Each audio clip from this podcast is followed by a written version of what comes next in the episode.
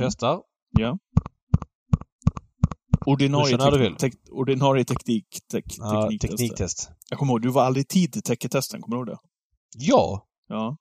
Vadå? Som, eh, som eh, redaktör? ja. Va? Du, du ramlade in sent. Nej, skitsnack. Dummaste hört. Det var ju talent. Jag, jag, nej, nej, nej. Nej, oj, oj, oj. Ska det bli svensk seger eller vad är det frågan om? What the horse, what the driver! Välkommen till en ny vecka. Här är Travpodden och eh, ja, men det kommer innehålla mycket den här veckan, David. Härligt ska det bli. Mm, och som vanligt är Gambling Cabin avsändare. Och Jajamän. Gambling Cabin... Alltså, jag måste bara dra det här. Eh, det var ju Super Bowl i söndags. Såg du det? Nej, vägra. Nej, du vägrar. Varför då? Jag tycker att det är så sjukt överskattat. Okej, ja, ja, det kan man tycka. Men det är ett spektakel och, och så vidare.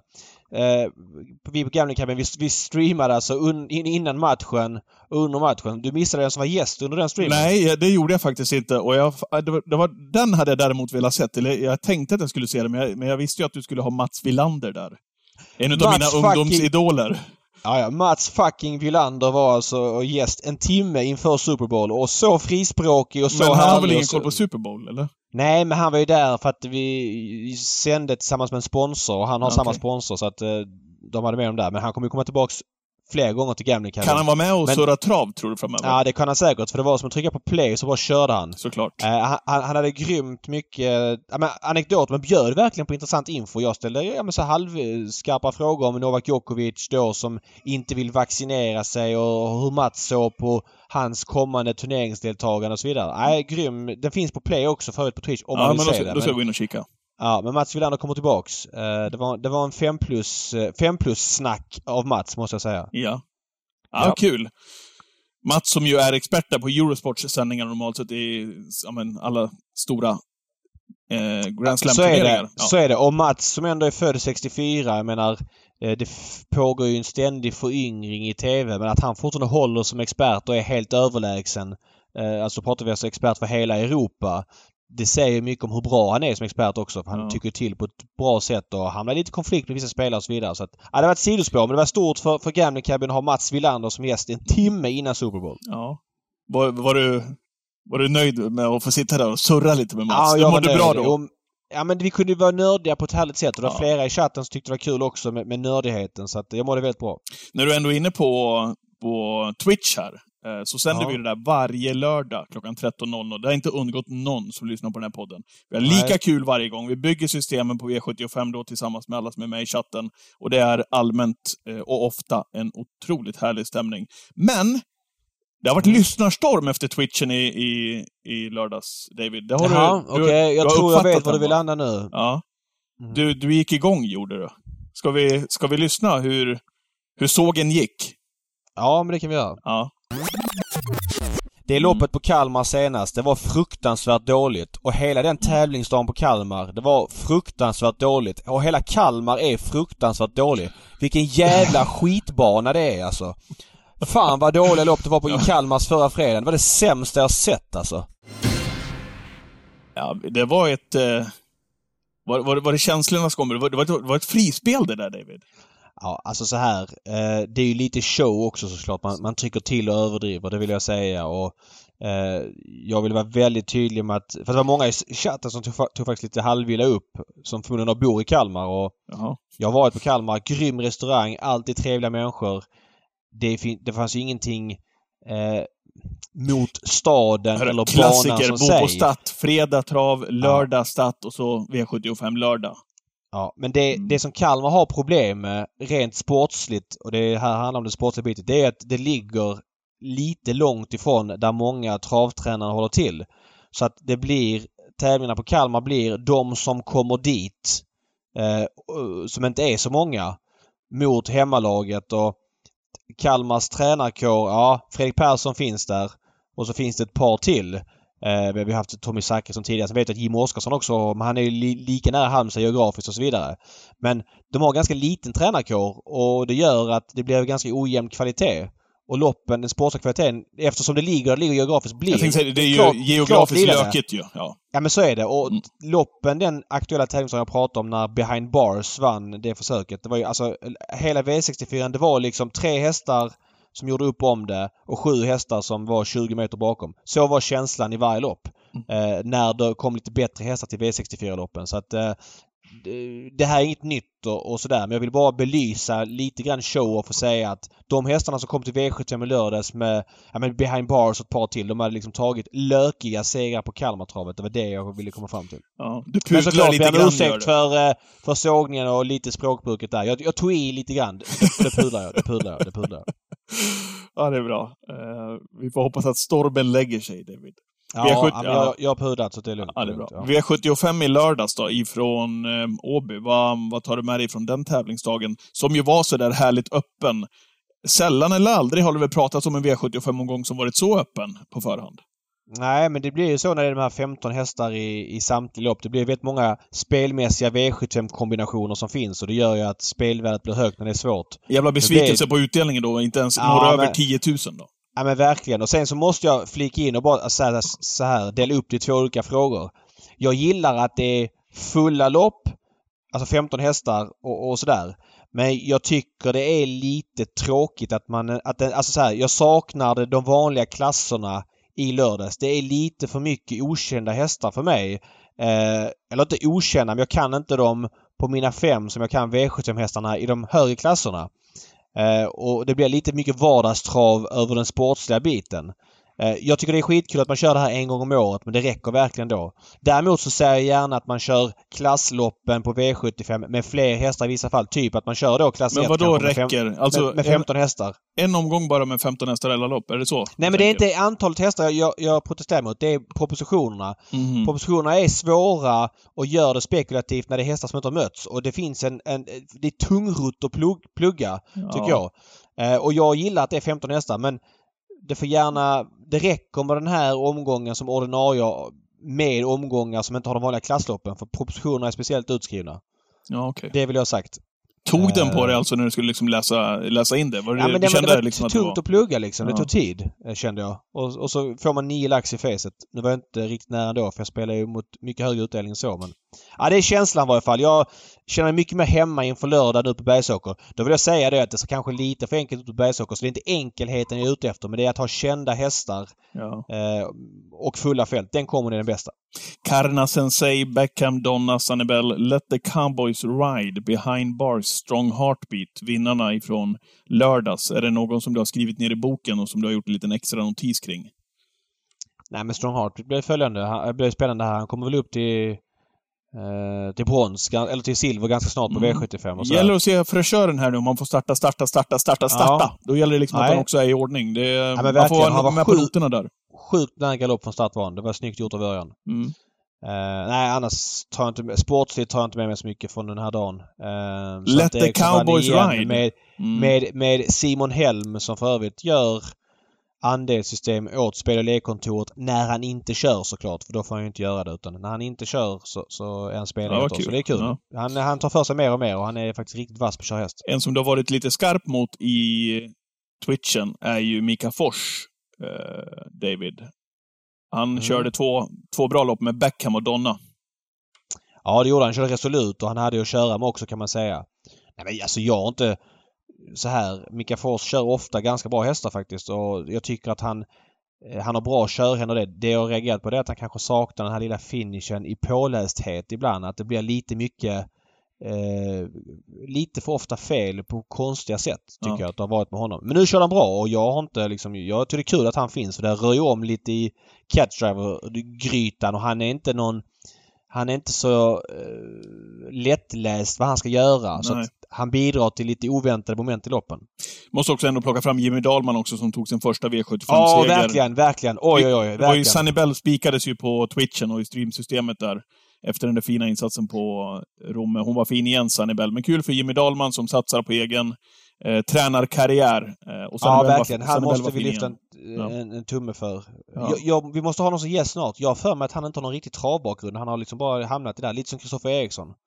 Kanske. Eh, jag vet i alla ja. fall att han, eh, på den tiden jag hade Don't tell me what to do hos Per Lennartsson, så var han eh, hos Per och jobbade under en tid. Ja. ja. Eh, det är ju ganska många år sedan. Men det kan vara helt rätt. Det kan vara kul att följa upp Jimmy där som... Ja men verkligen. Och vinna V75 startar sin bra. start. Det Ja. var rätt kallt av oss. Vi spikade alltså Sunny Bell och Strong Heartbeat på det systemet och lyckades ändå bomma. Ja.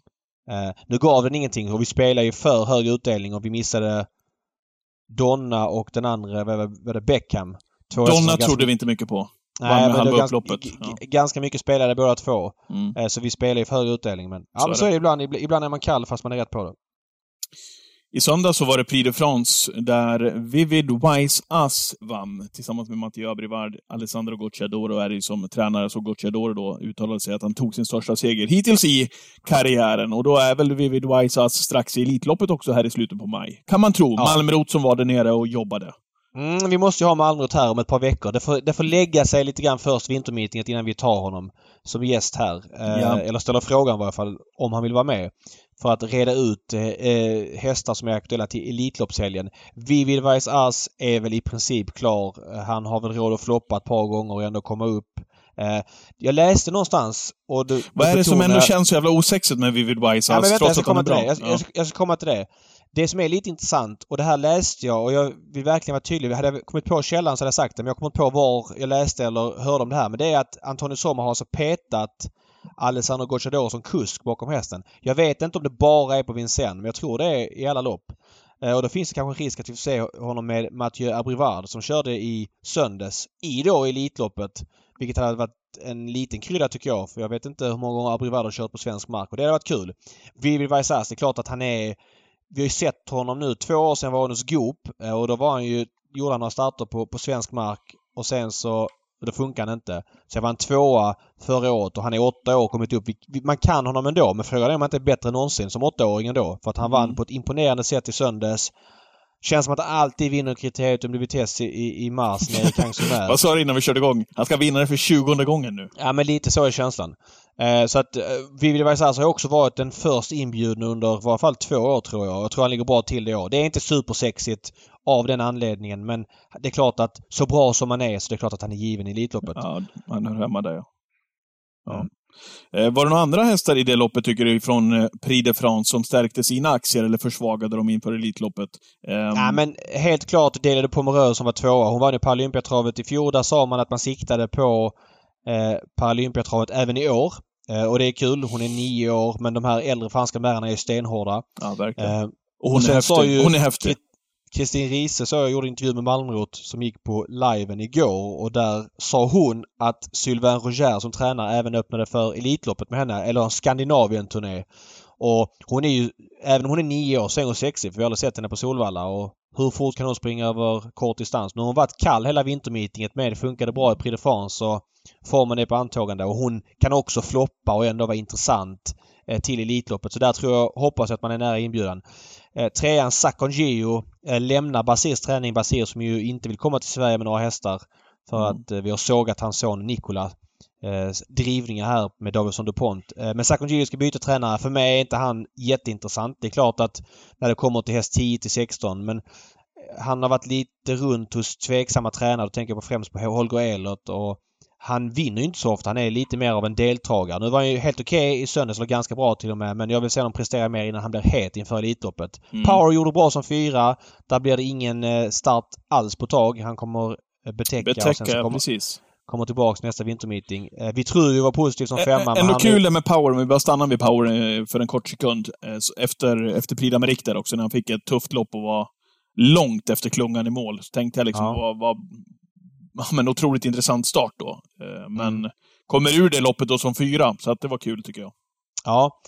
Vi tror vi var femma. Han har ju varit helt iskall i två år i princip. Eh, honom har vi sett en del i Sverige också. Eh, känns inte jättehet för mig till Elitloppet. Då Nej. måste han visa, vinna ett par lopp och så vidare. Eh, nej, inte så intressant. Där bakom Chicadillo var sjua. Eh, och det var fel distans för henne. Jag ser gärna henne i Harpers. Eh, häftig häst att säga Harpers. Hon är alltid i spåren. Vincennes är stenhård. Och eh, Alain Laurent känns väldigt likeable. Sen vill jag säga att Flam de Gautier där, hon blev ju stekhet och, och ja, var inte alls lika bra som tidigare. Men där hittar man anledningen till det. Och där låter det som kusken Theo Duvalestern i alla fall är sugen på Solvalla. Hon är ett stor så henne ser jag hemskt gärna på Solvalla också. Eh, så att det var väl de. Cockstyle var väl halvblek. Eh, ah, måste nog prestera eh, lite grann. Han har vunnit tidigare men Ja. han är nio år. Vi har sett honom mycket. Han måste vara bra för att vara het. Och sen så vill jag även lyfta fram Etonar. Han galopperade nu. Jag tycker ändå att han är med i diskussionen Ja, såklart. Westerink vill komma. Han var floppa i, i, i Prix och nu en galopp. Han galopperade typ hela loppet tror jag. Mm. Eh, Anthony Men det vill nog också. Malmrot. Det vill nog också Jo men, jo men här tror jag att, hoppas jag att Malmö eh, verkligen känner att men han behöver inte prestera. Alltså han måste såklart funka. Ja. Men... Eh, Han måste vara i kan ju ordning. Vara i ordning men, men eh, ha, han är, är stekhet för mig. Det är en även sån man vill se i Elitloppet, två ja. gånger i rad. Absolut. absolut. Ja. Så det var de jag tar med mig därifrån. Ja.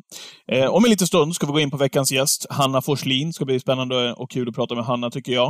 Eh, när vi spelar in den här podden, då är klockan halv sju på, på onsdag eh, eftermiddagen, onsdagskvällen här och V86 närmar sig med stormsteg. Du gick inte igång på V86 den här veckan, David. Vi har inga spel där, du och jag, eh, på spel och lekkontoret den här eh, veckan helt enkelt. Du, ska du följa dem ändå, tävlingarna, tänker jag? Ja, men jag kollar gärna loppen från Solvalla framförallt för att det är lite intressanta lopp. Eh, helt klart. Men här är jag faktiskt lite förvånad över hur mediebruset funkar inom travet. Eh, jag vet att... Du kan väl mediebruset om någon? Ja, så här. Eh, jag vet att eh, en del media är betalt av ATG för att skriva om alla omgångar. Eh, och det är väl... Då gör man ju sitt jobb. Man, man skriver om en omgång och oavsett hur den ser ut och så vidare. Men jag tycker ändå det är förvånansvärt många som är så, så att säga spelläggare och gör andelssystem som orkar hålla på och promota alla omgångar. Eh, och då finns det liksom inget värde i promota att alla omgångar är intressanta. Det här är en omgång idag. Det är Bjerke och Solvalla. Inget av loppen på V86-kupongen är fyllda, det vill säga 0-12 hästar. Loppen på Bjerke är eh, låg kvalitet och ihåliga och det är ganska ihåligt på Solvalla också. Eh, så här, om viss, för vissa är ju den här provisionen väldigt viktig att sälja liksom andelsspel och ja men då får det vara det.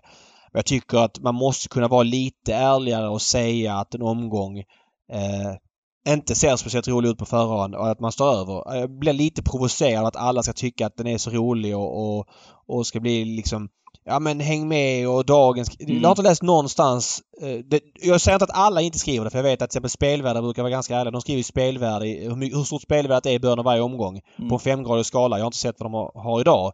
Men jag tycker ändå att det är konstigt att alla liksom hyllar omgången. Flera måste kunna säga nej, eh, den är kall, jag står över. Ha, vi, det finns säkert vissa spelare som har en bra spik och, och kan bygga ett system runt det. Men jag betvivlar att alla som skriver om travmedia verkligen har en bra spik den här omgången. Nej. De bara snackar upp den för att de, det är deras jobb. Ehm, och jag, jag, kan man inte vara ärlig än så. Det kommer liksom en V86-omgång i veckan och en V75-omgång i veckan. Kan man inte bara säga någon gång att ah, men det ser kallt ut. Mm. Eh, Det är min take på, på dagen. Och framförallt det är Bjerke. Det är ju svåra att plugga och ofta rätt tråkiga lopp tycker jag. Mm. Så att, eh, nej, märkligt, eh, märkligt endimensionell medietrafik om dagens omgång, känner jag. Jag är inte alls inläst på, på kvällens omgång. Jag har knappt öppnat listorna, även om man kommer sitta där och titta på det såklart. Men jag bara ser här, King of Everything, Claes Svenssons fina häst, vet du. Som inte har startat sedan juli 2020. Ja, Han står alltså och- inne på kronan. Han har tjänat 500 000 kronor prick på öret. Loppet stängt vid 500 000 kronor. Kan man tro att Claes har sett det här loppet sedan en tid tillbaka? 15 procent Det, just det är nu. möjligt. Han och Strong Heartbeat var ju derbyhästarna där vintern för två år sedan. De var de som siktades mot derbyt. Men båda två gick sönder och var inte ens aktuella. De har varit borta ganska länge. Man undrar var de tog vägen. Men nu är båda två Tillbaka funkar. igen. Jag hoppas, att King of Everything eh, Ja, fin häst. fungerar. Ja, jättefin häst. Jag hoppas han kommer tillbaks. Mm. Eh, så att... ehm, ja, det var... Det var var, det. en liten rant om eh, dagens V86. Sen vill jag säga det också att det är Champions League för mig. Jag tycker att det är liksom intressant att se utan att behöva plugga trav. Det tar ju några, några timmar att gå igenom en sån här omgång. Mm. Eh, så är det. Nu går vi in på gästen, David. Vad har du för förväntningar? Ja men eh, alltid höga förväntningar på, på gästerna och jag ska erkänna Hanna Forslin och jag har ganska dålig koll på överlag. Nu har jag läst på lite inför den här intervjun men hon är inte den som kanske fläker sig Du brukar hylla Eh. henne i Twitchen när hon kör. Ja, men jag tycker hon är offensiv i loppen och det gillar jag. Men jag tycker hon är inte den som fläker ut sig mest i media och söker uppmärksamhet. Och då går de lite under radarn. Eh, Hon har ändå bara 20 hästar och så vidare. Så det ska bli mycket intressant att höra vad hon har att säga om saker och ting. Välkommen till Travpodden säger vi till veckans gäst som är Hanna Forslin. Välkommen Hanna! Tack så mycket. Hur är läget? Jo, men det är bara bra med mig. Ja, härligt. Hur mår travtränaren Hanna Forslin för dagen? Eh, jo, men eh, jag mår bra. Eh, hästarna presterar bra och eh, rullar in lite hästar så att jag trivs med vardagen just nu. 22 i segerprocent, 232 in, 000 inkört på 9 starter i år. Det är ju 25 procent av vad du körde in på hela 2021. Eh, är, det Wow. En, är det en slump eller är det tur eller är det med, målmedveten satsning i början på året? Ehm, ja, det var en bra fråga, men eh, nej, men alltså jag har ju eh, några som är igång och startar och de eh, eh, har ju varit riktigt bra både i slutet på året och eh, har kunnat starta på här i, i januari och februari. Så att, eh, ja, men eh, lite medvetet att de eh, tävlar på vintern och, och sådär. Mm. 20 hästar har du om man kollar till listan just nu. Hanna, jag läste en intervju med det här i Expressen från 2020 eh, innan vi ringde upp det här. Och kan det stämma det? Hade du sex hästar på, på listan då? Det känns som att det har accelererat ganska så ordentligt. Är det, är det din känsla också? Eh, ja, det är min känsla också.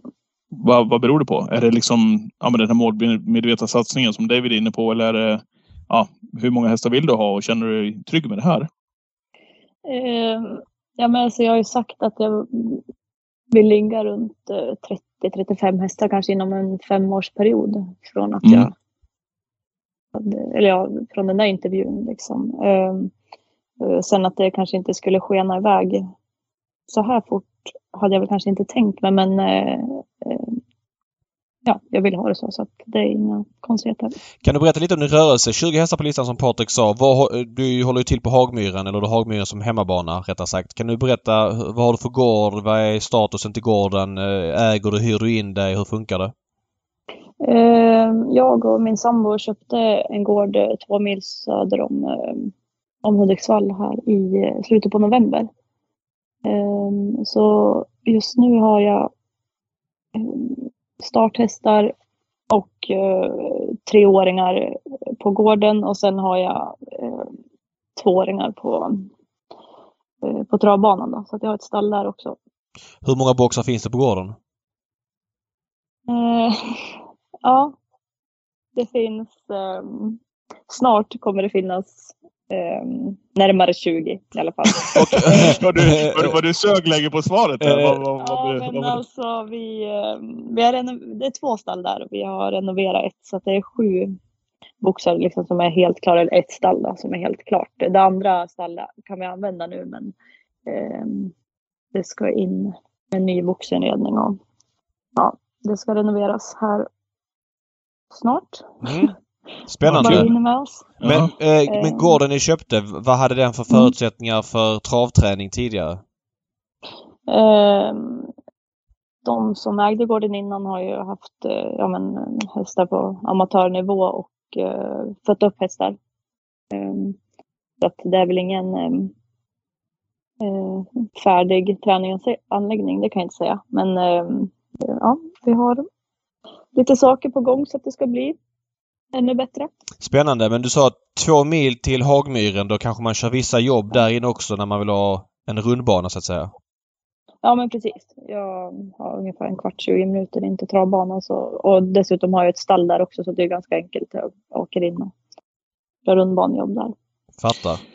När du kör igång så här, eh, handlar liksom med att gå upp från det här antalet som vi pratade om, 6-7 hästar där för, för några år sedan, uppe på 20 nu och upp till 30-35. Hur ser, hur ser din ägarkrets ut om du förstår vad jag menar? Är det, är det många olika ägare eller ungefär samma gäng eller hur, hur ser det ut?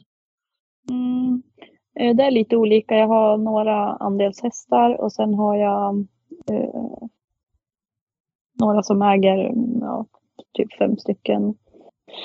Ehm, några som äger ju en idag men ska köpa in fler. Ehm, ja, så jag har lite olika men jag har ehm, ehm, några få som är väldigt bra. Mm. Ja. Hur Du tänker ju till du? exempel, det är, ja förlåt David. Nej, Jag nej, kör du, kör, kör. Det, är ju, det är ju ändå rätt häftigt av de här 20 hästarna. Det är klart det är, det är många unghästar som inte ens har kommit ut på tävlingsbanan. Men faktiskt, av de här som är på listan så är fyra av dem miljonärer. Det är ju Mm. det är ändå rätt häftigt måste man säga. Ja, det är jätteroligt och Eh, ja. Eh, hur ser du nu när du säger att du ska köpa in fler? Eh, är du en person som åker scoutar på auktioner eller vill du köpa starthästar? Hur tänker du runt det? Eh, ja, alltså jag, jag har ju åkt runt på auktioner liksom, men inte åt någon ägare liksom, förut, men bara för mitt eget intresse. Liksom. Så än så länge har jag inte gjort det. Eh, men eh, ja, det kommer väl bli mer så i år, som Mm. det verkar. Eh, hur länge har du hållit på? För du är inte så gammal. Du är född 94. Eh, Mm. och, och sådär. Hur länge har din, hur din, din travkarriär sett ut? Eh, jag är uppvuxen i en travfamilj. Både mamma och pappa som har eh, ägnat sig åt trav hela sitt liv. Eh, så att jag körde ponnytrav. Eh, sen hade jag en period där jag gick ett vanligt gymnasium och eh, spelade innebandy. Så att eh, det var ett tag På där. ganska hög nivå väl? Ja, vi var i division 1. Mm. Eh, så då ja, men hade jag väl en liten paus från travet där. Och när jag var klar med gymnasiet så jobbade jag på H&M ett tag. Ja, och sen så kände jag väl att jag ville ägna mig åt traven då. Så då jobbade jag åt Henrik Svensson, Svante Båt och så sen ehm, träffade jag min sambo så då flyttade jag tillbaka till Hudiksvall och så jobbade jag tre år som eh, utbildningsansvarig på Harmyren. Och Mm. sen ja, kom Lova till världen och eh, så var jag ja, hemma med henne ett år ungefär och så sen eh, slut, eller jag sa upp mig på Hagmyren och så drog jag igång. Jag hade ju bara några hästar då. Så då ja, kombinerade jag eh, mina egna hästar och så jobbade jag extra hos Genovo Olsen. Ja, okej. Tills att jag hade tillräckligt med hästar så att jag kunde bara ägna mig åt mina egna. Du sa det, Lova. Eh, hur gammal är Lova nu? Lova fyller tre alldeles snart Hur- här i mars. Hur, ja, hur går det att, att pyssla ihop eh, vardagen med, med att tra, träna 20 hästar och ta hand om Lova och hela det där pusslet som ska till? Eh, det är inte alltid enkelt, men ehm, eh, jag har, hon har en bra pappa som eh, ställer upp för både mig och Lova. Så Ja, det är viktigt. Ja, men och liksom bra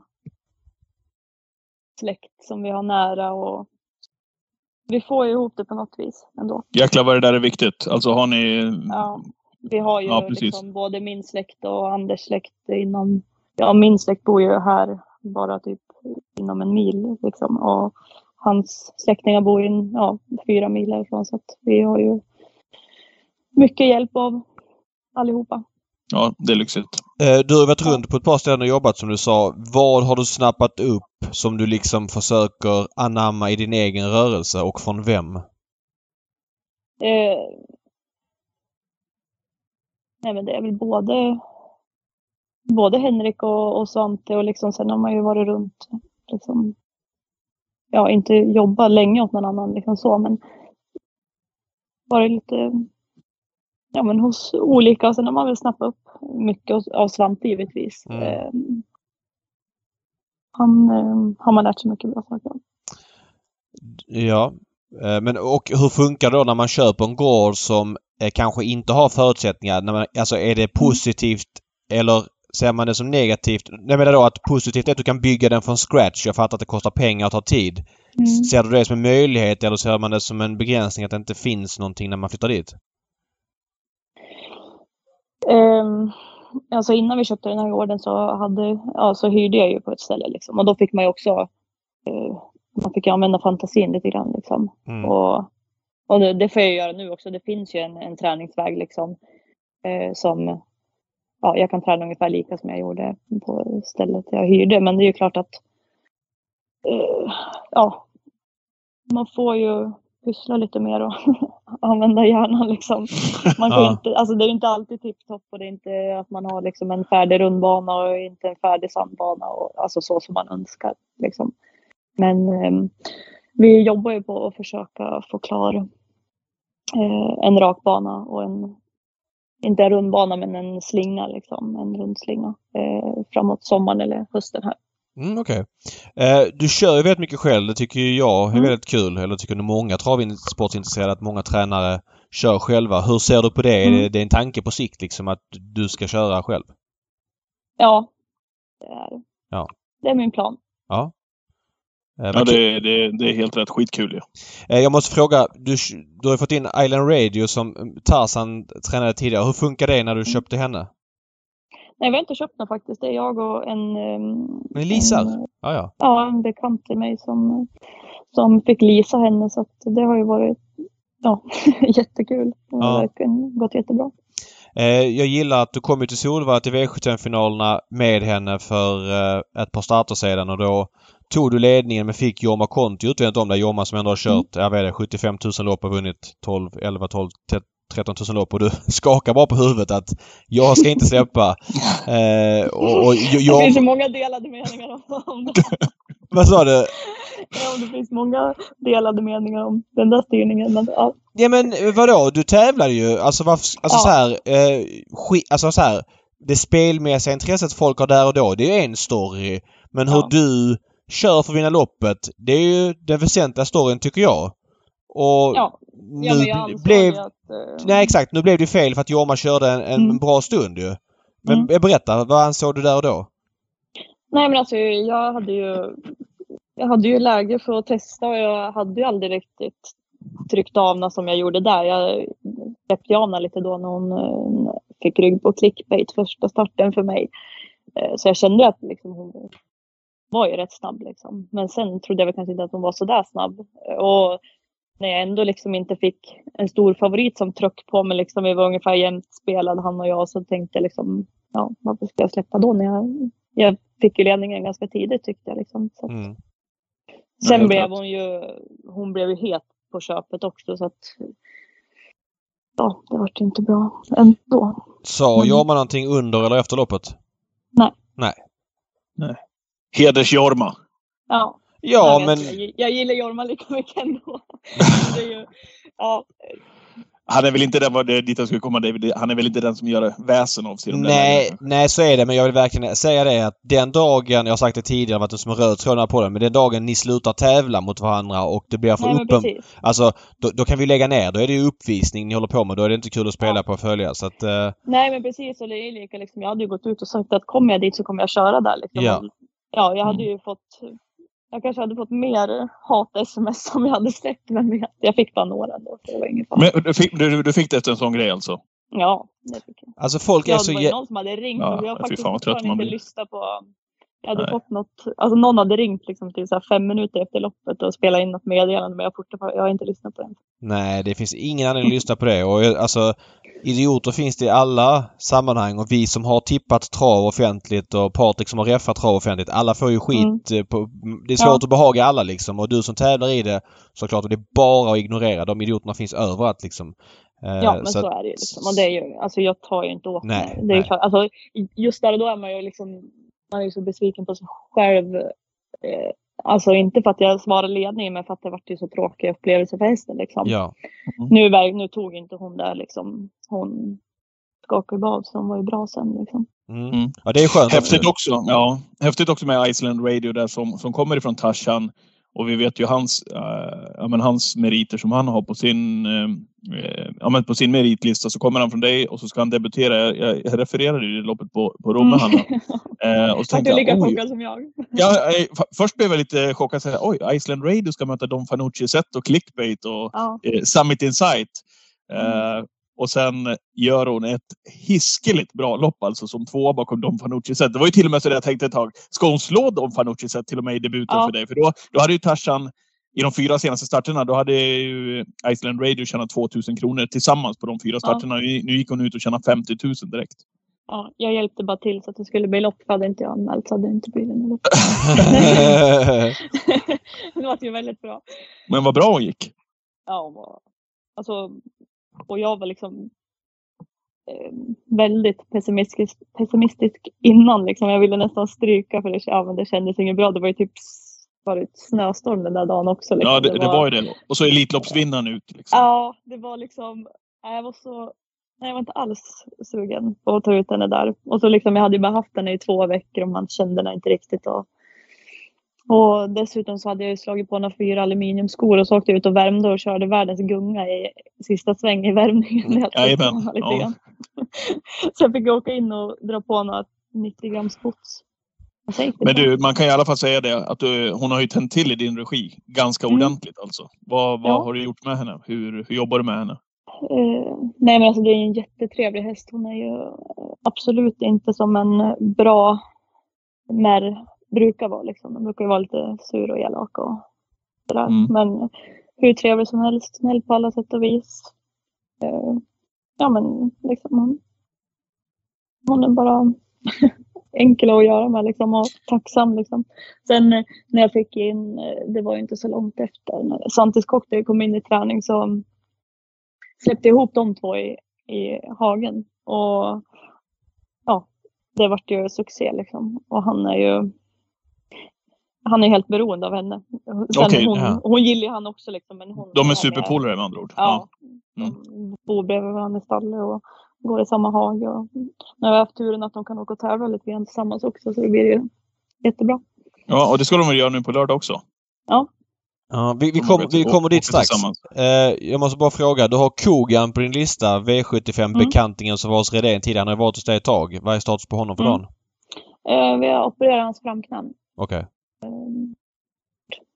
att, eh, han tränar lite lugnt än så länge men eh, ja, vi hoppas kunna starta i sommar. Ja. Eh, och sen då hästen, och det har väl inte undgått någon som, som följer dig på travbanan, Hanna, att Malkin är den som ligger dig varmast om hjärtat. Ska du berätta? Ja, precis. Ehm, Vad betyder han? Eh, ja, men alltså det är väl han som liksom har eh, satt mitt namn på travkartan liksom. Eh, nej, men han, han betyder jättemycket och eh, ja, kommer ju alltid få finnas kvar hos mig. Eh, en fråga. Om han ska tävla eller inte. Ja, Mm. det är snyggt. En fråga där med honom. Han har ju klart bäst statistik på kort distans, Malkin. Nu startar inte han. Mm. Eh, men jag måste bara fråga. Jag har alltid tänkt på det att han funkar alltid bäst på kort distans. Har du någon analys om varför det är så? Eller du har säkert koll på att det är så, men varför är det så? Eh, jag vet faktiskt inte riktigt, men han tävlar ju mycket på, på längre distanser förut när han var hos Robert. Ja. Eh, men eh, sen testade jag bara någon gång på 1600 och liksom, ja, han var ju... Jag vet inte om det är liksom för att han blev äldre och kanske inte riktigt... Han är ju väldigt skör av sig liksom och så. Sen det är klart han måste ju springa jävligt fort på 1600 men ja, det kanske sliter mer att, att tävla på längre distans. Jag vet inte riktigt. Klassiker med de här som har gått jättebra på långdistans och så Ja. kommer de upp i åren och tycker att det är skitkul när de kommer ut med kortdistans och så Ja. får de inte på sig ett helstängt huvudlag eller goggles som fattar ingenting och springer i rena glädjen i ett och ett halvt varv och tycker att det är Ja. kul när det är klart ungefär. Det man ser det ganska många gånger faktiskt. Ja. ja. Jag har ett nytt exempel nu på lördag. Hoppas jag. Ja, vad spännande.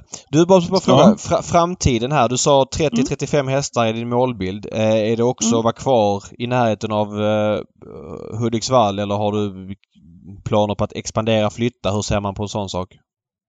Eh, nej, det har jag inte. Utan vi, eh, vi trivs bra här och eh, vi själva har ju inte flyttat till gården än men snart ska vi göra det. Eh, och jag tror att det kommer bli bra när vi kan bo nära hästarna. Liksom. Så att vi tänker att vi ska eh, men utveckla den där gården liksom, så att det är så, så, att, ja, så som jag vill ha det. Mm. Ja, det Ja, låter skitkul. Spännande. Och, och härligt att höra också liksom med, din, med din framtidsoptimism här med, med det här antalet hästarna och utvecklingen av gården och allt det där. Eh, om du backar då till 2020 när jag var inne på det här. Hur, hur mådde du då Hanna eh, när, när det uppdagades att Malkin hade testat positivt för, för dopning? Eh, Var det kortison va? Ja, precis. Hur, Jag eh, var, hur, hur, var, hur beskriv, går det att ta oss tillbaka liksom, hur, hur du eh, tog emot det beskedet?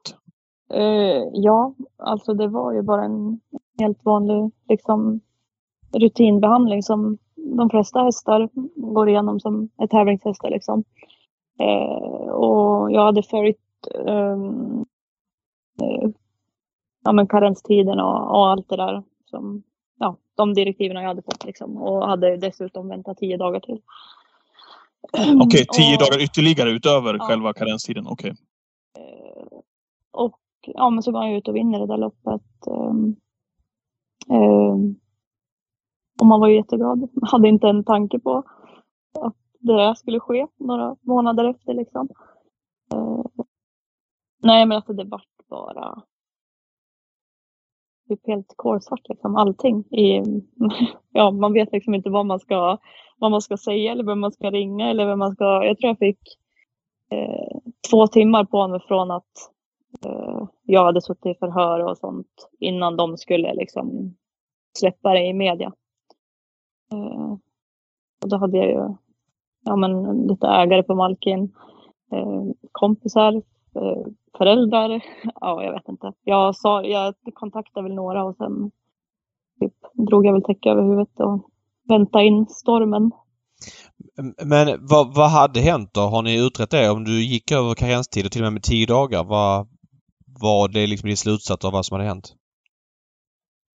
Eh, nej men att eh, det var ett eh, kortisonpreparat som eh, det borde ha skrivits betydligt längre karenstid på. Eh, så det är väl bara det. Liksom. Och ja, vad ska jag göra?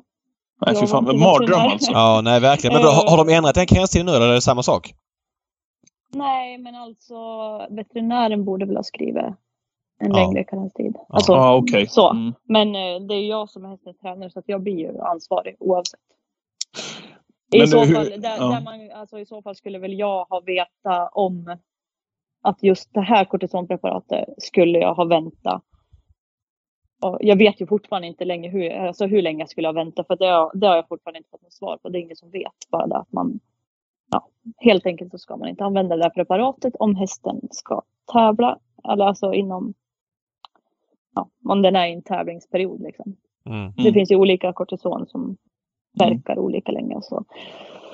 Och sen men du- var det väl snack om typ att han hade ju blivit behandlad i ett baknä bland annat och att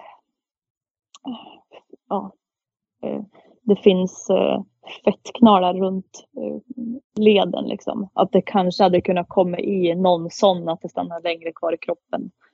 Alltså det finns ju massa olika teorier men ja, okej. helt men du- enkelt så Du säger det att du, du bara drog täcket över dig. Hur, hur, tog du, hur, hur såg processen ut efter det liksom, med tanke på ja, men nu vi sitter och pratar nu med, med framtidsförhoppningar och ja, men när du ser liksom bara härligt på framtiden in, inom den här branschen. Hur, hur lång tid tog det och hur kom du ur det där? För jag kan ju tänka mig bara själv vilket, vilket helvete. Eh, Ja, nej men först och främst så skrev jag väl ihop en, eh, jag kontaktade en, Eh, en advokat och så bara liksom frågade mig jag- ja, vad jag skulle göra. Och hon sa, skriv ihop din egen berättelse, precis exakt vad som hänt och så, så skickar du ut den i media så att du inte behöver svara på ja, exakt alla samtal som kommer komma på en gång, alltså just den dagen liksom. Eh, och sen gick det väl en eller två dagar kanske. Så mm, då hade några kollegor eh, eller kompisar i travet kontaktat Stig Wiklund och sagt att nu måste du, nu måste du mm, agera. Mentala coachen Stig Wiklund ja. Eh, så att eh, när jag satt ute hos eh, ja, Jan-Ove Olsen och, och Emma då, som är mina kompisar och de jobbar jag åt också då. Eh, så fick jag ett samtal från Stig och så jag tror vi pratade i typ två timmar. Och dessutom var ju Stig eh, delägare i Malken också. Okej. Mm. Eh, så jag hade ju, alltså, jag kände inte Stig men jag hade ju pratat med honom någon gång. Jobbar ni ihop idag också? Ja, Mm. det gör vi. Eh, vi, prat, alltså, vi jobbade, jag tror vi pratade kanske fem gånger om dagen i säkert två månader första tiden. Liksom. Mm. Så, att, ja, så att jag var liksom helt under isen. Och sen var det väl där efter ett tag när han sa liksom att ja, du får ju liksom välja om du ska fortsätta eller om du vill jobba på ICA. Men du måste ju Mm. ta ett beslut snart i alla fall. Och då sa jag nej, jag vill inte jobba på ICA. Nej. Ja, sen dess så har vi liksom kämpat på. Men har du fått, känner du att det har fått några effekter? Alltså att någon har ifrågasatt eller att någon ägare har vänt dig i ryggen eller något sånt?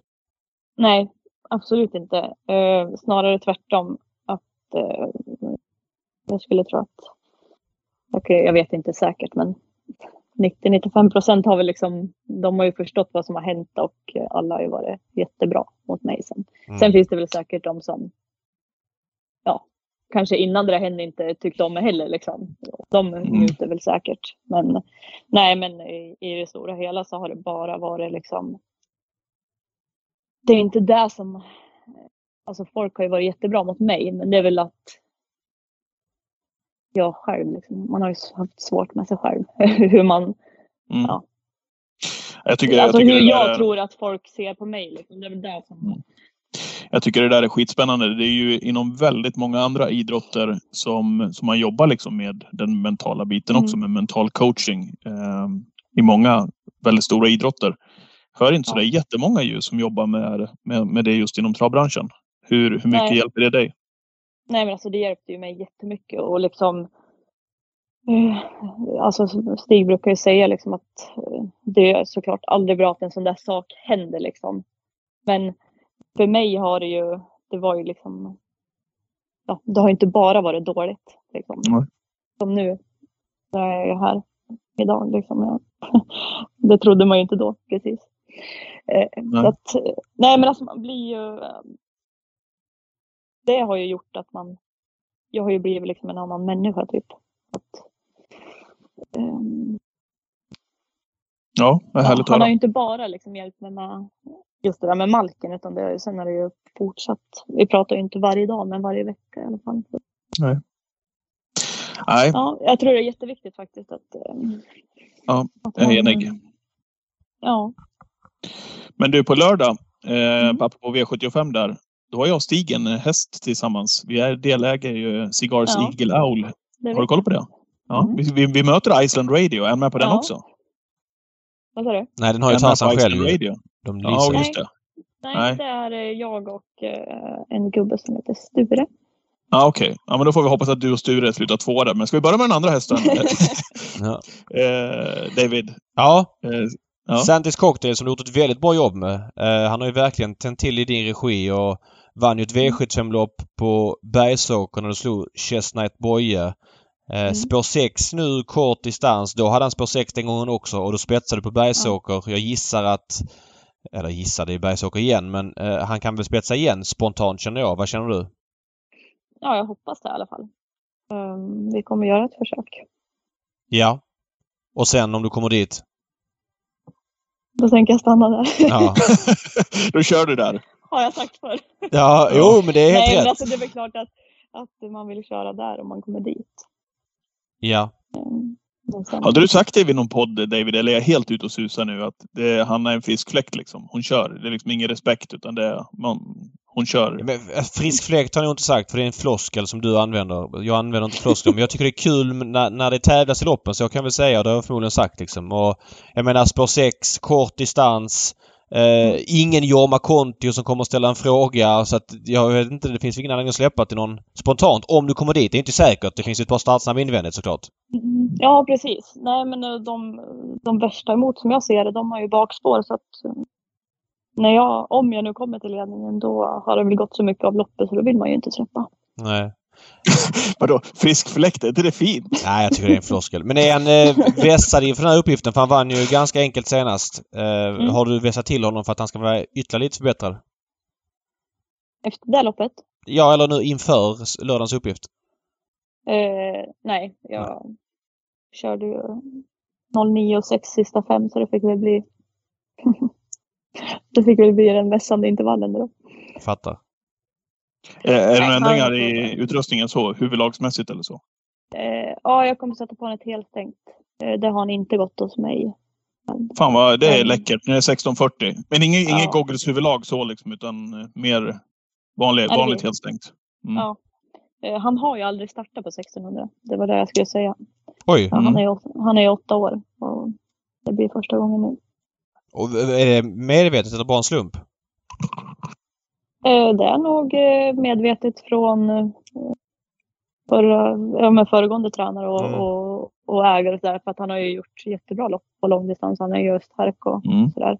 Men jag har ju upptäckt andra egenskaper. Mm. Så jag tycker att han är ju startsnabb och ja, men, lättplacerad och liksom, ja, han gör ju bara det man säger åt honom. Liksom, och, och sist och bara lättade lite på tummarna så ja, körde jag ju väldigt fort sista fem. Så att, Vad nej, men jag tror att han kan.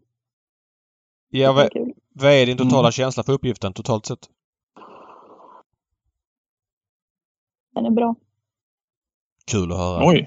Eh, Ja, V7, fan vad härligt. V754 har du 12 då Island Radio som är lite mindre Jag får väl spel. äta upp det från ägaren om det inte skulle gå. Ja men man måste ju säga vad man tror. Det är det som är det kul. Om alla Ja, ska men säga platschans eller något Ja. sånt. Det, Jag kan ju inte, jag kan inte säga något annat. Han har ju Säg- tjänat över 300 000 på fem starter hos mig. Så. ja men säg vad du Ja. känner. Sen så kanske det inte blir så alltid. Det är Mm. trav det handlar om. Nej. Det kan ju Ja, hända oförutsedda grejer. Eh, Trav är trav som David brukar floskla. Ja, Mm. precis. Som man har snott av Olle Goop. V74 har du Island Radio med dubbla tillägg. Eh, Mm. hur, hur ser du på hennes uppgift? Hon står lite halvtufft in i loppet faktiskt. Ja, nej men det är ju det, är lite, det blir tufft för henne. Men jag hoppas att hon kan, kan få en rygg och eh, kan spurta till sig. Ja men vara bland de fem kanske. Så tror jag nog att hon har gjort ett väldigt bra jobb. Ska vara var, var, var bland de fem? Mm. Jag, är- jag är ju livrädd för henne alltså. Jag tycker, efter det Don Fanucci sett-loppet som hon, som hon har liksom, så... Ja, Men jag, jag tycker 2% är sjukt lite på henne måste jag Ja, säga. Hon har ju mött väldigt bra hästar. Mm. Det, det håller jag med om. Men alltså hon kan hon kan vara femma, hon kan vara trea, hon kan vinna. Jag vet inte. Men är det inte, eh, nu har inte jag pluggat loppet jättemycket, men det känns som att det finns ett par... Jag har. Ja, okej. Men ett par ruskigt chanslösa det här loppet. Det är ju en, två, tre, fyra, fem, sex, sju, åtta hästar och 15 är under 1% på V75. Nog för att Fabulous Polini drar mycket spel och kommer göra det och blir favorit. Men många av de här andra är ju inte riktigt V75-hästar som kanske söker sig ner på innerspår. Ja, var det en fråga till mig eller? Nej, jag bara lyfte frågan. Jag bara sa det eh, allmänt liksom. Va, va, va. Alltså det är inte så blodigt gäng. Jag menar det är klart att Fabulous Polini funkar hon. Hon var ju smällfin i debuten för VSN senast. hon, Ja, hon är fin. blir det, blir det tufft såklart. Men där bakom är det väl inte... Ja visst Kvarsia, men hon hoppar ju senast lite omotiverat från starten och vilka av de andra ska hon inte slå? Ja, lite så jag känner också.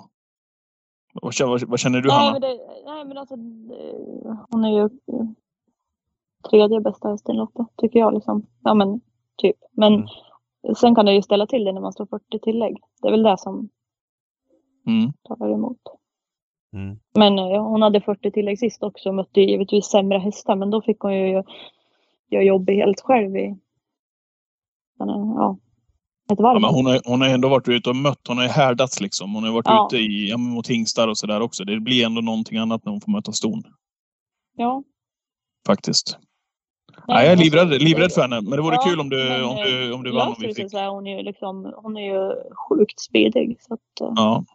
Är det några ändringar på henne eller? Nej. Nej. Bra. Men ju, just det där kan bli intressant. Jag tror att många väljer innerspår här så det behöver inte bli 79 på utvändigt. Det kan nog bli 50 utvändigt med lite flax. Eh, och, ja. Ja. nej, jag...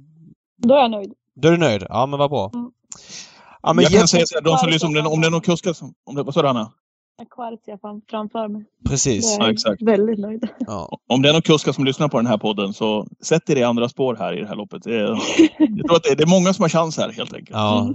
Ja. För att, Ge för, hästarna för att chansen. Patrik Cigars Eagle Owl ska kunna få pengar. Ja, men det... Ja, Exakt. Ja, så måste man tänka. Ja, Och men- Stigs. precis. Mm.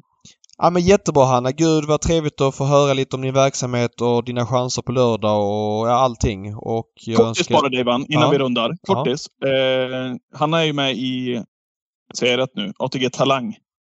Mm. Ja. Hur ser det arbetet ut? Bara kort liksom. Vart, vart befinner ni er? Eller hur ser den, ja, hur har den processen sett ut?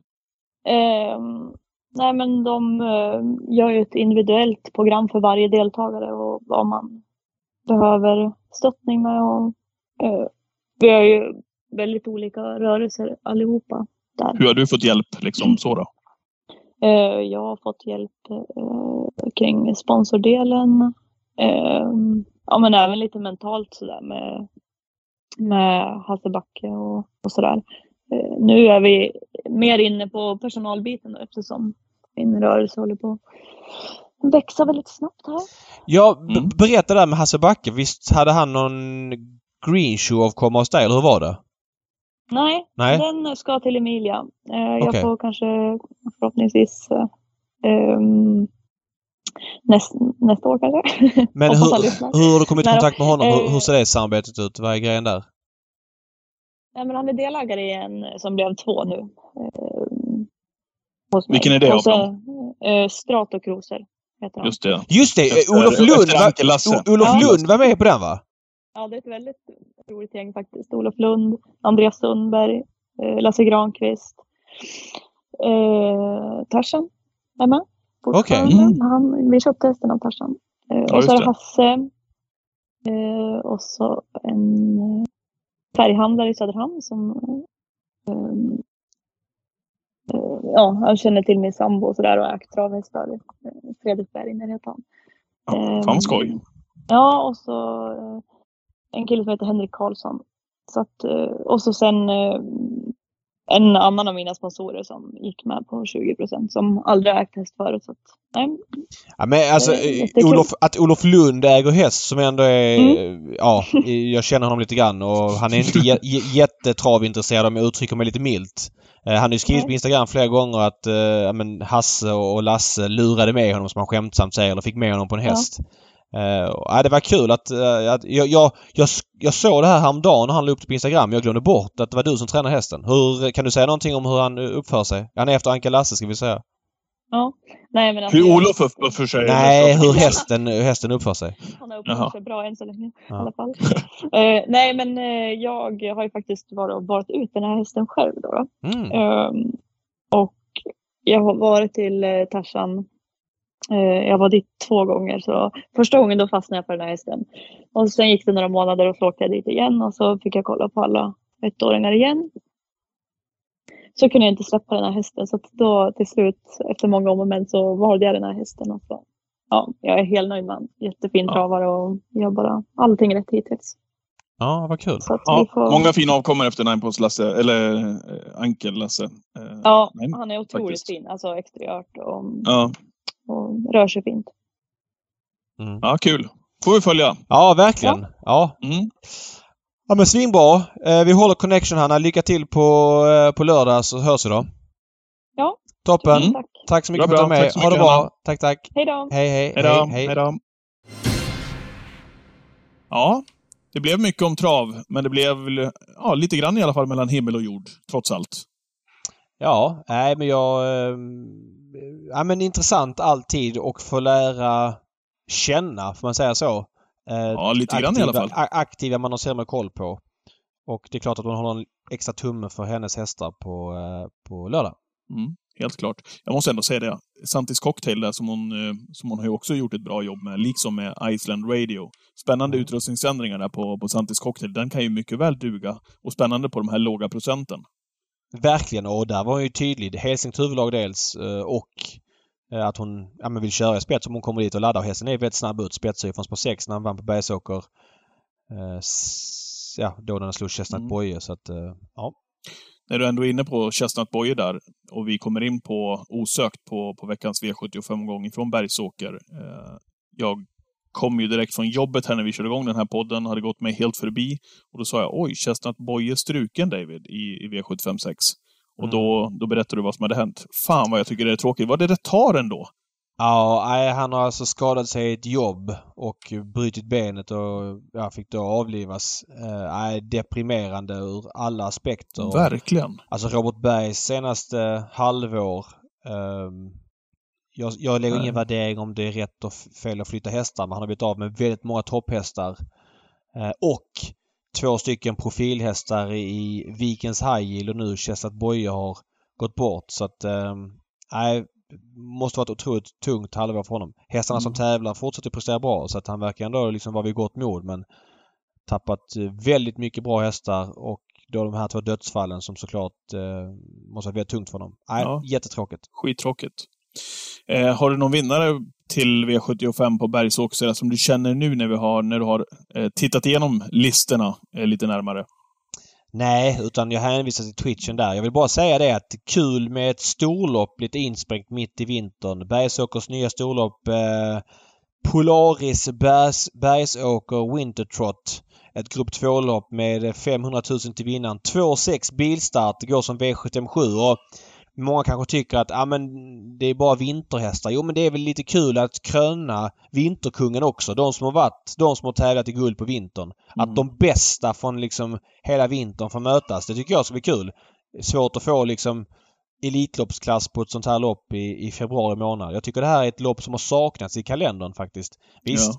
Paralympiatravet eller då Olympiatravet har haft lite en sån touch att det har man gillat för att det ligger först. Eh, Det behöver inte vara de allra bästa hästarna. Men, men det här blir som en light-version av det och helt rätt av Bergsåker. Man vill alltid ha höga prispengar fler lopp men det måste Ja. ta någonstans ifrån. Men jag tycker det är en, en skön satsning och jag tycker det saknas i kalendern. Det är ett jämnt lopp. eh, Verkligen. Med de, med Ja. de här vinterhästarna på V7 så att eh, det ska bli kul. Verkligen. Har du, har du något drag spontant när du ser listorna? Nej, men vi, om jag fastnar vid V754 där och eh, Iceland Radio som jag spelar på 2 Jag tycker det är i minsta laget, måste jag säga. Men, ni var ju inne på det själv. Fabulous Pellini, Daniel Weichen, nu blir ju hon jättefavorit i loppet. Hon blir ju megalampa i omgången. Hon är över 50% just nu. Prestationen senast, visserligen i ett väldigt billigt gäng. Det var, det var inte några tuffa konkurrenter alls. Nej, hon- men, det, men framförallt intrycket. alltså. Ja, Ja. verkligen alltså. Nej, hon är Eh, henne- det ska bli kul att se henne. Tyvärr så möter hon ju våran då, Cigars Eagle Owl, som vi anmälde igen. Vecka, vecka V75. Det är man inte bortskämd med. Nej, vad kul. Vad har ni för förväntningar på lördag? Eh, ungefär som förra lördagen. Hon gick ju jättebra. Hon var ju nära att knipa tredjeplatsen på, på Open Stretch, men eh, fick nöja sig med fjärdeplatsen. Vi får väl hoppas på något liknande igen kanske. Kul Nej, i alla fall att tror- vara med. Jag, jag tror du skulle ha Jacobis Keeper som drag. Du brukar ha det. Jaha. Ja, vi kanske kommer dit när vi, när vi kommer till Twitchen nu på lördag. Jag såg att han inte var speciellt hårt spelad. Och han har ju en, en jäkligt bra kapacitet, så att vi får väl se vart vi landar in på Twitchen nu på lördag. Som Mm, vi sänder 13.00. Ja, men eh, precis. Dock, ja men som sagt, två stora favoriter nu. Nu är det inte jättemycket omsättning, men onsdag kväll alltså. Vi har både Fabulous Pellini, vi har Belfax som eh, är 63 procentare. Men Belfax, Belfax visar ju näst senast att, han- att han inte är helt att lita på. Med den märkliga galoppen sista biten. Eller var det till och med för tre starter sen på Bergsåker. Han har hunnit göra två starter sen dess. Wow. Mm. Ehm, Det, det, kanske blir en, det kanske blir en dubbel Leffe Vitas Keykeeper som startar i V752, som jag också gillar. 15 procent. Följer upp då. Nu lackar Bruno i bakgrunden. Följer Ja, upp då vad hä- med vad Jacobi med- Keeper. vad hände med Kikipro senast? Märklig Eh, galopp in i första svängen. Han hade ja. spetsstriden. Ja, jag lovar att jag Ja. tagit reda på det till, till på lördag när vi kör Twitchen. Ja, spännande. Och framförallt hur han, har, hur han har varit i veckan. Ja, ja. Eh, ja, det, det får bli det vad gäller V75 Bergsåker 13.00 Twitchen. Har ni inte varit med på Twitchen nu? Eh, hög tid att hänga med där. Vi har otroligt trevligt när vi bygger systemen ihop. Så att, eh, hur gör man då, David? För de som verkligen vill gå in och tänka ja, men 13.00 på lördag, det kan passa bra att sitta en timme där och kolla igenom lite trav. Ja, twitch.tv och sen så skriver man Gambling Cabin i sökfönstret. Vi Ja. bjuder även på lite fasta odds där vi har ja, Lekstuga. Hög, hö, ja, men le- hög träffprocent. Ja, Eh, så att ehm, ja, om man vill hänga med där. verkligen.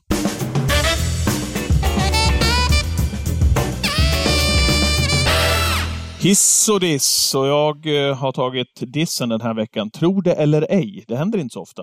Nej, vi börjar med dissen så vi I det- avslutar i en här- positiv anda. i den här podden. Jag tror du skulle vara, jag tror du skulle vara toucha vid det när vi pratade V75 från Åby i, i lördags. Älskar ju Åby som, som tävlingsbana. Älskar Åby Open Stretch. Jag tycker att det, jag följer gärna tävlingarna även eh, vardagsdags när, när Åby kör sina tävlingsdagar. För jag tycker ofta att det är bra sport och härligt att följa. Men i lördags, David, den här eh, V75 Champion som en gång i tiden ändå hade någonting. När det var lottade hästar, det var väl ett lopp väl? V75 Ja, första avdelning tror jag att det var. Det hette V75-mästaren då. Ja, Det gick även som sista något år. Jag vet att Admiral C, ja, det var stämmer nog. V75 han vann. Mm. Eh, Och så var det V71. Rocket Power vann som 88 någon gång i V71. Så det har varit både och. Catch Mm. the Boost vann också någon gång. Ja, helt rätt. Eh, Då hade det ändå någonting, tycker jag. Lottades och det var lite prestige i det där. Det sa ju kuskarna själva också, att eh, man, man värdesatte att vinna det där.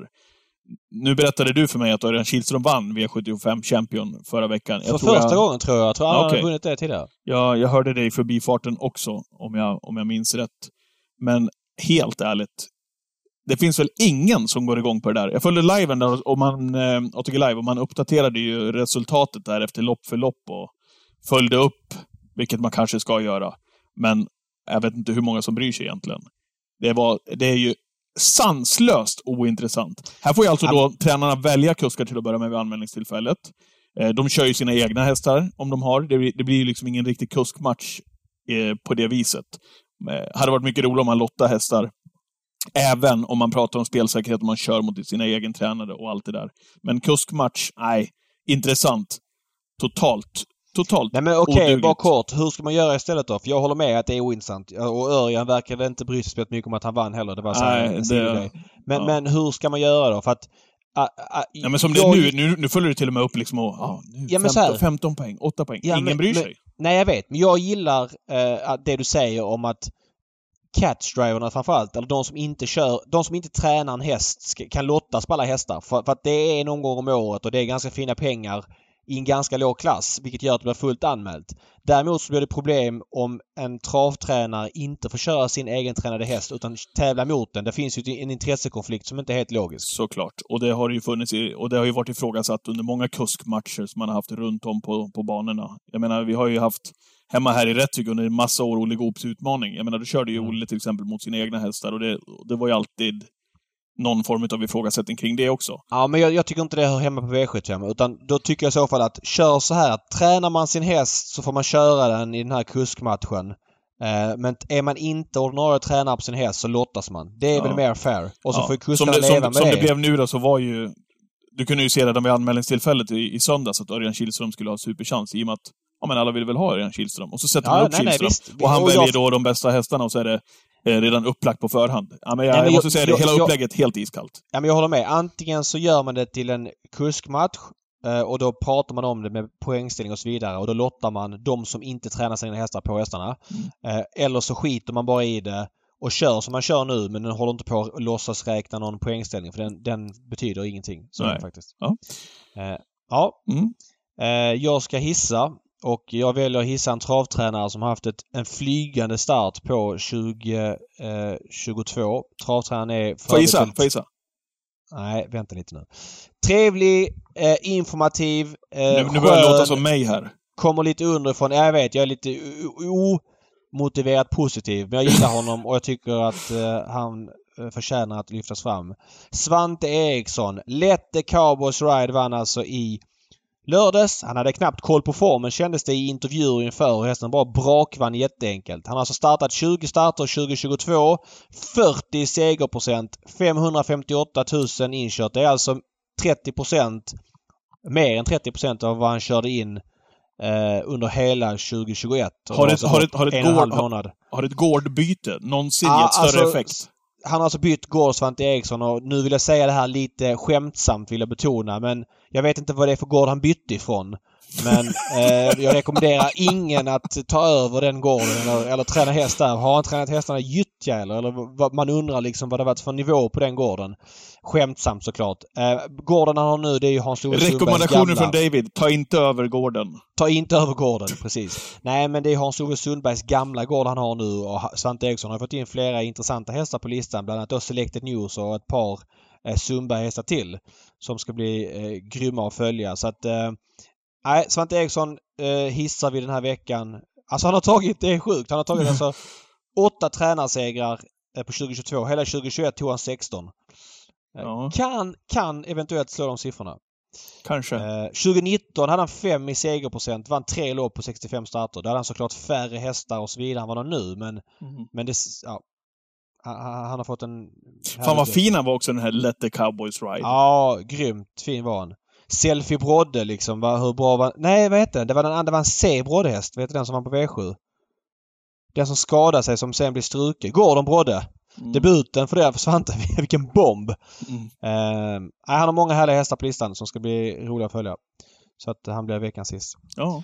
Ja, ja men bra Patrik. Vi tackar för oss den här veckan och eh, på återseende till nästa vecka.